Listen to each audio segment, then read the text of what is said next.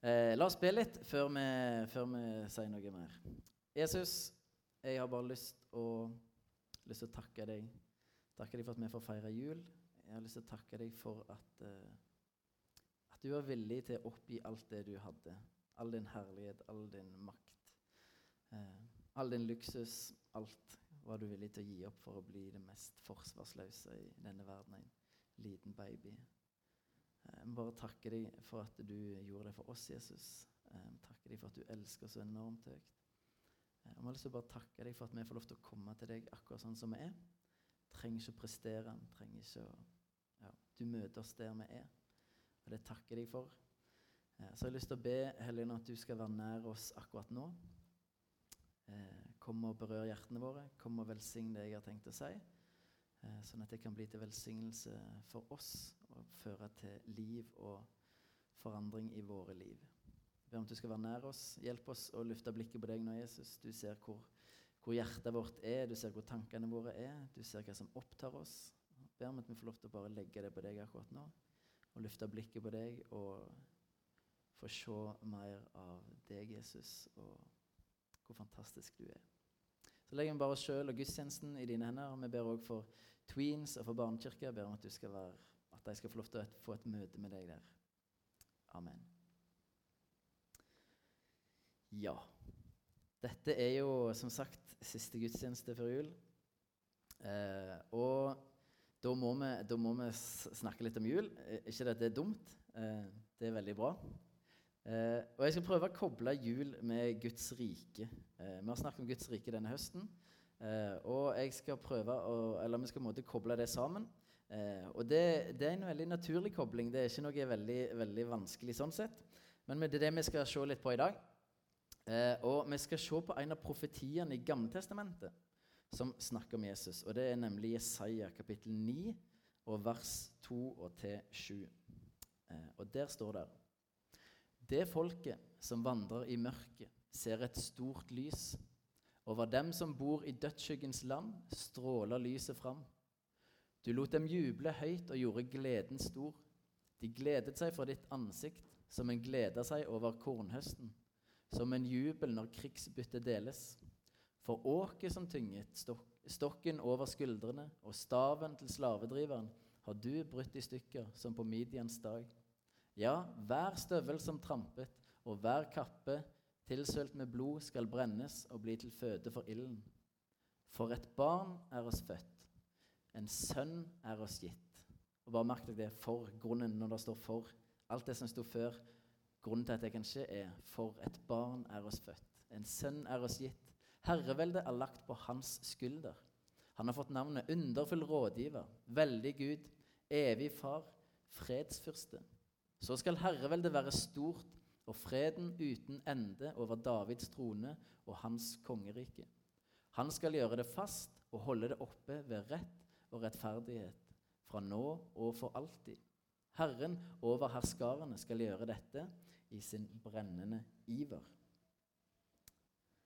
Eh, og det er en fantastisk tekst. En profeti om Messias, om Jesus, som vi skal se litt nærmere på, for den her er, den her er nydelig, syns jeg. Den er nydelig. Og Jeg skal bare gå gjennom noen, noen elementer. Jeg skal ikke snakke om alt, men, men det er noen elementer her som jeg har lyst til å, å, ta opp. Eh, og begynne med i, i vers 6 hovedsakelig. For et barn er oss født, og en sønn er oss gitt. Eh, en tydelig henvisning til Jesus som ble født i Betlehem. Men det står her at denne sønnen er gitt. Eh, det er ei gave som må tas imot. Det som er gitt, det betyr at dette må tas imot, for det er ei gave. Og alt det som kommer etterpå i, denne, i det vers 6 her, det kommer som en konsekvens av at en tar imot denne gava. Så det begynner med et tilbud. Et tilbud om denne sønnen. For han er gitt. Det står ikke han er tatt imot, men han er gitt til oss. Eh, og det feirer vi snakker om ofte i jula, at Jesus er verdens største gave. Eh, men det er gave, og vi må ta imot den. Det gjelder, det gjelder, ikke bare ungene som skal lære å ta imot Jesus og forstå at han er gave. Det gjelder meg, at jeg må ta imot Jesus. Eh, og det gjelder at du må ta imot Jesus. Så det er det som begynner. Alt som kommer etterpå, er en konsekvens av det å ta imot denne gava. Så står det at herreveldet er lagt på hans skulder. Og når det er snakk om at noe ligger på noen sin skulder, så betyr det som oftest at det er en byrde. Når det står om dette i Bibelen, at det, det, det ligger på skuldrene noen, så er det snakk om en byrde. Hva betyr det? Hva, hva, denne, hva fortell, indikerer denne teksten her? Jo, den indikerer at det å herske, det er en byrde. Når Gud skapte mennesket, så skapte han dem til å herske i lag med seg. Adam og Eva skulle herske over skaperverket i lag med Gud. Men de skulle ikke herske alene. Det var aldri meninga. Eh, det er en byrde, det å herske. En byrde som vi mennesker aldri var meint å bære alene. Vi skulle aldri herske alene. Eh, og Så det at herreveldet er lagt på Jesus sine skuldre, det betyr faktisk frihet for meg og deg. Det betyr frihet. Det er en del av gaven, faktisk. At meg og deg slipper å herske. At vi frasier oss retten til å herske i eget liv og i andre sine liv. Vi frasier oss den retten. Vi abdiserer fra den trona i våre liv og sier Jesus, du skal få lov til å herske meg, og jeg skal herske i lag. Men du er sjefen. Du er øverstkommanderende. Og jeg syns dette var en litt sånn ja, en litt sånn fin vinkling, da. Som ble litt ny for meg, da. Eh, at det er en gave å få lov til å slippe å herske eget liv. Selv om det er noe i oss som, som, som, strever mot dette her. Det er en grunn for at Adam og Eva eh, gjorde opprør mot Gud. De hadde lyst å, å bestemme selv. De hadde lyst til å være Gud selv og herske selv. Men dette er Gud sier at det, er det som er skapt for, er å slippe. Eh, og det er en gave å få lov til å gi fra oss den byrden som det er å herske eget liv, og sier Jesus, eh, du hersker, du er konge, ikke jeg. Eh, og så må vi da stole på, og det er, den, det er den store tingen for oss kristne Da må vi stole på at han er den best kvalifiserte til den jobben. Vi snakker ofte om tru, et ord som egentlig er litt sånn vanskelig å resonnere hva Ordet tru, hva, hva betyr det? Men det å ha tillit til er kanskje et litt sånn mer forklarende ord. Vi trenger å ha tillit til at Gud, at Jesus, er den best kvalifiserte personen for å herske i våre liv, og at jeg ikke er den best kvalifiserte. Jeg roter det til. Eh, jeg, jeg roter det til. Og du roter det til. Selv om jeg ikke kjenner deg på det, men jeg vet du roter det til. Eh, vi er ikke så godt kvalifisert for den jobben. Så det er frihet i dette. Og vi trenger å legge tilliten vår i at eh, Jesus er best kvalifisert, at han har kontroll. Så leser vi videre. Han skal få navnet. Kanskje litt sånn rart å stoppe med det. Men når vi i Vesten når vi tenker på navn, så tenker vi ja, hva heter du? ikke sant? Eh, og Det er ganske stor forskjell på vestlig tankegang og østlig tankegang. For i Østen så er ikke navn bare et navn, men navn betyr noe. Og navn eh, betyr ikke bare noe, men navn handler om identitet. Kanskje dere husker historien i Gammeltestamentet om, om Jakob, eh, tvillingbror til Esau, som kjemper med Gud eller en engel. Det er litt sånn diffust hva, hva er det egentlig han kjemper med. Eh, men i alle fall, uansett så sier Jakob at eh, 'jeg nekter å slippe deg før du velsigner meg'. Og da sier Gud eller engelen, 'Hva er navnet ditt?' Og da tenker vi liksom, ja, hva Oppgi navn og adresse. Sant? Det er liksom det vi tenker når vi, når vi hører sånn, Hva er navnet ditt? Jo, et Eivind Andre bor der og der. sant? Det er ikke det Gud spør etter. Det er ikke det han lurer på. Han vet, ikke, han vet hva han heter. Men det han spør om, er hvem er du? Hvem er du? Hva er din identitet? Og For Jakob er det et ganske relevant spørsmål, for han har utgitt seg for å være en annen. Han har utgitt seg for å være Esau en periode. Lurte velsignelsen faren. Så for Jakob er dette et dødsrelevant spørsmål. Hvem er jeg? Hvem er jeg? Eh, så når denne teksten her sier at, eh, om, om, navnet til Messias, så handler ikke det hva heter han for noe. Men det handler om identiteten hans, og det handler om karakteren hans. Hvordan er denne sønnen som er gitt oss? Hvordan er han? Hvordan er denne herskeren? Hva karakter har han? Eh, og Vi skal se på denne, disse karakteristikkene, denne identiteten og karakteristikkene som blir nevnt her. Eh, jeg skal ikke si kjempemasse om dem, Men jeg skal si noe. Eh, selv om vi kunne sagt masse om det. Kanskje det skulle gjort det på et senere tidspunkt. Men det sier noe om hva slags herrevelde er dette snakk om. Så den teksten begynner med å si at eh, navnet skal være ja, der kom den. Navnet skal være underfull rådgiver. Eh, og dette handler om måten han skal herske på. Det kan også, altså, eh, underfull, Ordet underfull kan også oversettes med fantastisk eller mirakuløs rådgiver. En fantastisk og mirakuløs rådgiver. Det er måten denne kongen skal herske på. Han gir fantastiske og mirakuløse råd. Er ikke det litt kult? Det, det er måten han hersker på. Å gi fantastisk gode råd. Mirakuløst gode til tider. Gode råd.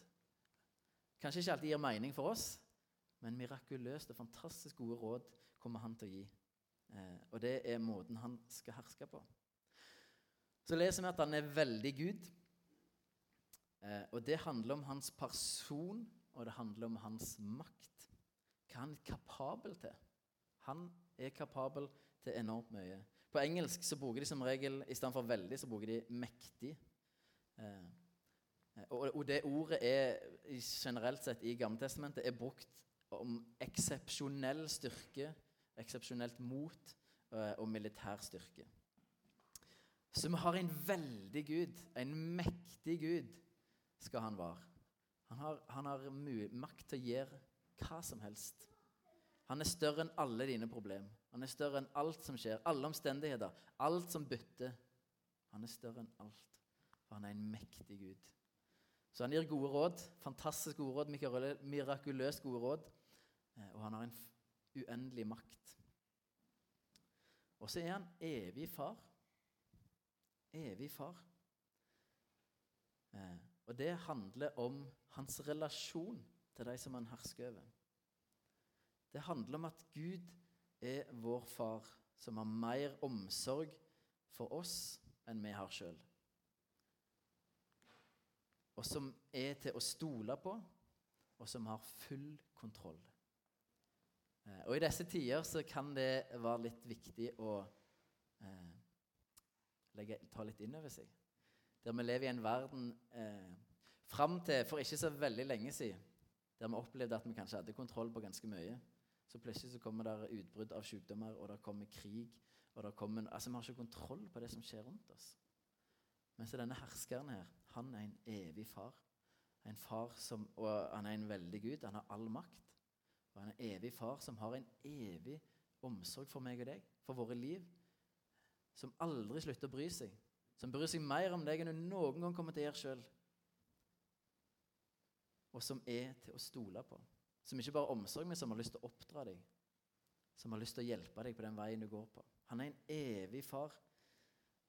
Og det er så viktig å få det perspektivet, og få, at, få se at Gud er din far. Eh, noen har et bilde av en veldig streng Gud. Det, og Kanskje har du hatt en streng far. Jeg hadde en streng far.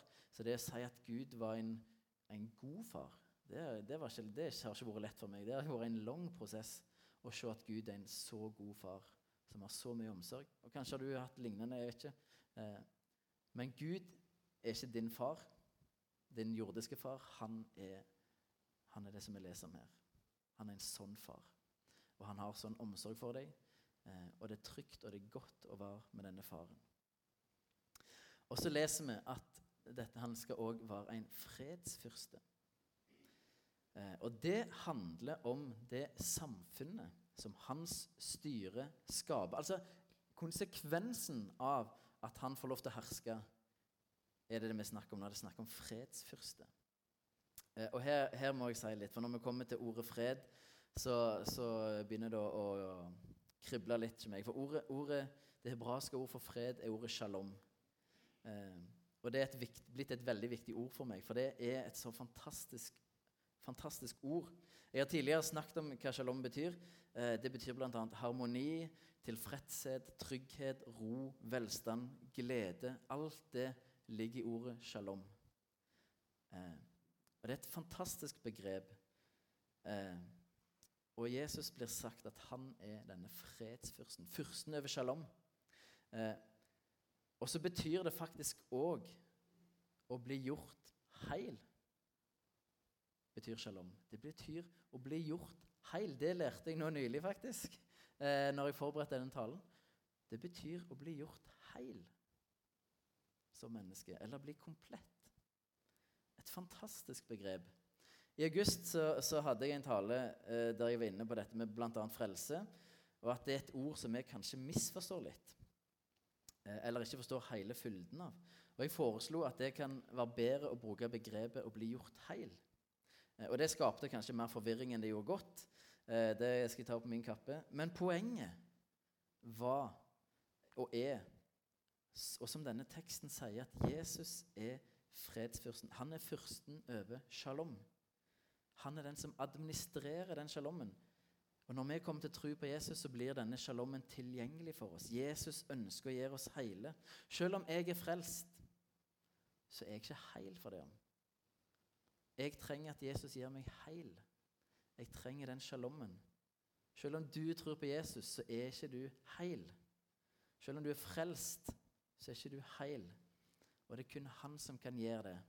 Det er kun han som har denne sjalommen. Så det handler om at frelse handler om, ja, det handler om én ting, at vi kommer til tro og får relasjon til Gud. Blir født på ny. Men så òg frelse, at Jesus ønsker å gjøre oss heil. Vi, vi fortsetter å bli frelst. Holder, han holder på med oss. Han fortsetter å gjøre oss heile. Han har denne shalommen. Han er Det er kun han som har det. Det så Han er fyrsten over shalom. Fyrsten over fred. Det betyr at det er ikke noen andre som har han. Det er han som har han. Det er kun han som kan gi det. Det er han som kan gjøre deg heil. Det er ingenting annet som kan gjøre deg heil. Alt du lengter etter, det dypest sett ingen andre som har det enn Jesus.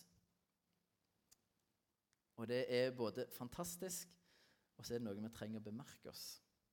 For vi leter ofte etter helt andre plasser. Alt det vi lengter etter. Jeg leter ofte på feil plasser. Selv om jeg til og med vet at det er Jesus som har sjalommen, så gjør jeg dumme ting eh, og leter på feil plass. Men det er kun Jesus som kan, kan gjøre oss hele. Det som alle mennesker lengter etter. Tro meg, alle mennesker lengter etter å bli heil. Og sannsynligvis jeg, jeg, ja, Wild guess. Men, men, for min del, når jeg gifter meg, blant annet, så tenkte jeg at dette kommer til å gjøre meg mer heil. Sånn i underbevisstheten. Dette kommer til å gjøre meg mer heil som person. Og det er fantastisk å være gift. Eh, men det er ikke Lene som kan gjøre meg heil. Og jeg bør ikke legge den byrden på henne, for da kommer jeg til å ødelegge henne og ødelegge ekteskapet. Hun kan ikke gjøre meg heil. Og det er, jobb, det er ikke, hennes jobb heller. Det er det kun Jesus som kan. Kun Jesus som kan. Og vi kan lete i øst og vest på alle mennesker lengter etter å bli hele, bli komplett, for det er noe som mangler. Det vet vi. Eh, så Jesus, kun han har den sjalommen. Så dette er de ordene. Dette er på en måte hvordan Jesus skal herske, hva som bekjennetegner hans, hans herrevelde. Og Denne profetien handler om Jesus. Eh, og det Jesus når han lever, den snakker mest om, er Guds rike. Eh, så vi kan lett koble disse tingene sammen med Guds rike. Og Jesus sier at Guds rike det er noe som allerede har kommet ved Jesus. Og Samtidig så snakker han om at det er noe som skal komme helt og fullt der framme. Eh, og her i denne teksten så leste vi at herreveldet skal være stort og freden uten ende. Og Det handler om nettopp det. Guds rike har kommet nå, det er tilgjengelig. Vi kan erfare deler av det. Og så er det òg noe som kommer helt og fullt der framme. Shalommen den er tilgjengelig nå. Vi kan erfare, vi kan erfare ganske mye av den allerede nå. Og så kommer vi en gang der framme til å erfare den shalommen. Det å bli hele. Det kommer der framme en gang når Jesus kommer igjen. Og det blir så fantastisk. Eh, det blir så fantastisk. Og så slutter denne teksten eh, på en fantastisk måte i vers 7. Eh, at eh, Herren over herskarene skal gjøre dette i sin brennende iver. Det er Gud som gjør dette i sin brennende iver. Er ikke det et fantastisk ord? Hans brennende iver. Gud lengter, han lengter sånn etter at dette skal bli en realitet i mitt og ditt sitt liv. Han lengter sånn etter at hans rike skal komme i mitt liv. I Ulsteinvik. Han lengter sånn etter at denne fredsfyrsten skal få lov til å komme og få lov til å gjøre At det skal bli hans, effekten av at han får lov til å bli konge i våre liv. Han lengter sånn etter det. I en brennende iver skal han gjøre dette. Eh, og det er dette vi feirer når vi feirer jul. At Jesus er gitt oss som ei gave, og at han kommer ned med sitt rike. At han skal herske i våre liv, ikke vi sjøl. Og at han skal herske i verden Og at han skal herske ved å være en underfull rådgiver, en mektig Gud, en evig far og en fredsfyrste. Konsekvensen av at Jesus får herske, det er fred, det er shalom. Og Dette er både en gave som vi må ta imot eh, Det er både en invitasjon og det er en gave som vi må ta imot igjen og igjen. Jeg trenger det. Jeg trenger å, Selv om jeg tror og jeg er frelst, eh, så trenger jeg, når jeg feirer jul, å ta imot dette barnet som en konge. For han kommer som en konge, selv om han kommer som et lite barn. Eh, for det er en gave som betyr all forskjell. Det er gaver som åpner en port til noen andre gaver som er helt fantastiske. Eh, og dette julebudskapet er eh, vi blir fort litt vant med, den, med julebudskapet. Vi blir fort litt vant med, Vi har hørt, vi kan det så godt. sant? Alle kan juleevangeliet. Vi vet, eh, ja, vi kan alle detaljene. Og så glemmer vi av og til at denne sønnen ble gitt oss. Hvor spesielt det faktisk er. Eh, hvor utrolig ulogisk at Jesus kommer som en baby. Altså, Det er så mange ulogiske ting her. Eh, og jeg har lyst å, å til slutt å spille en eh, det som blitt en, en, min favoritt-julesang. Eh, og Den er ikke på norsk, dessverre, men den heter How Many Kings. Eh, og Det er en gruppe som heter Down Here. Eh, og inni sangen der, inni en litt sånn instrumentaldel, så, så kommer det òg bibelvers, et bibelvers eller ifra Filipperne 2, det som vi kaller for Kristushymnen, hvis dere lurer på det. Men eh, prøv å få med deg teksten på, på denne, denne sangen her.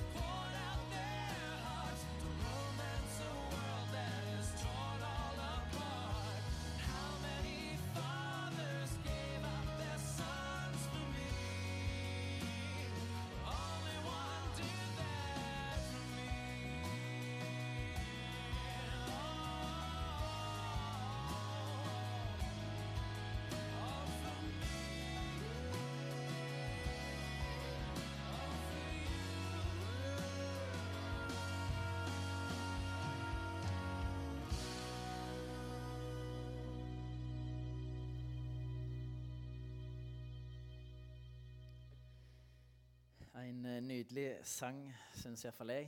Eh, hvor mange konger har abdisert for din skyld? Hvor mange fedre har gitt opp sønnen sin for din skyld? Det er en sånn fantastisk historie. Det vi skal feire i jula, er eh, vanskelig å forstå, vanskelig å ta inn over seg. At Jesus kunne gjøre det.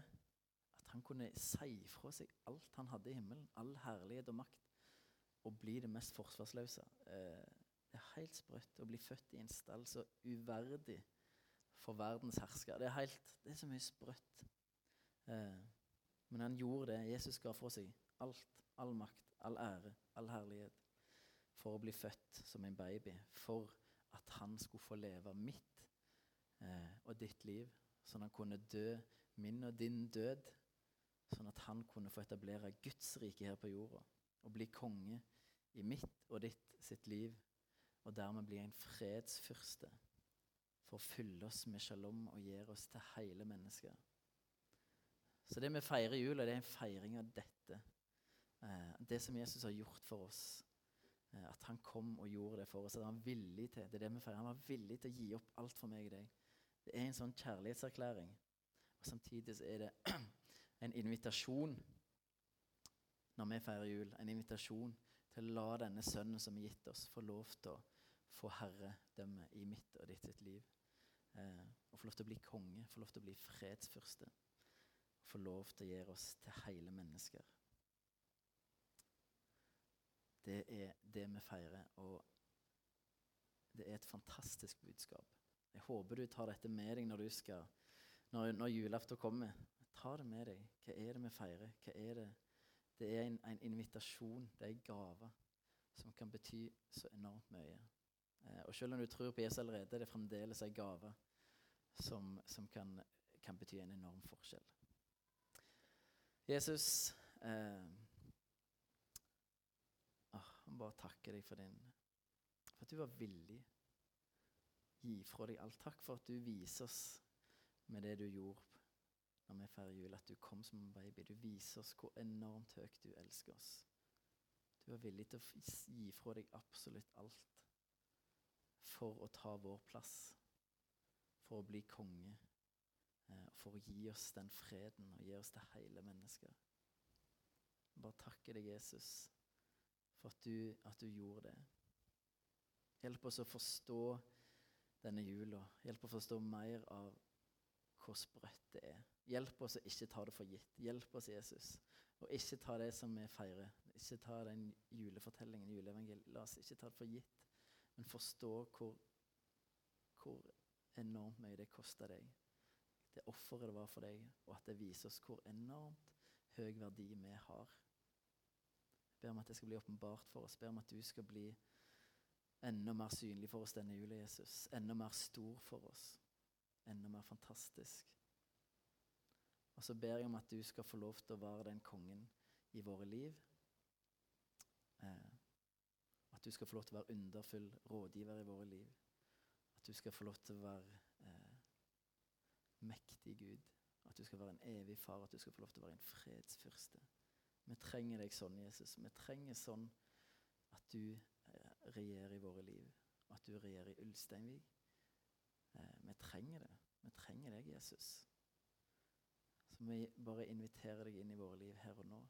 Vi ønsker å ta imot den gava som du er. Vi ønsker at du skal få være konge ved de områdene i livet vårt som du ikke har fått litt konge ved ennå. Kom, kom, Jesus. Kom til oss denne jula. La det, bli, la det bli enda mer reelt for oss at du kommer til oss denne jula. Så har lyst til å legge oss sjøl eh, og resten av gudstjenesten. Vi har lyst til å legge Ulsteinvik frikirke og Ulsteinvik i dine hender, Jesus. Og vi trenger deg. Amen.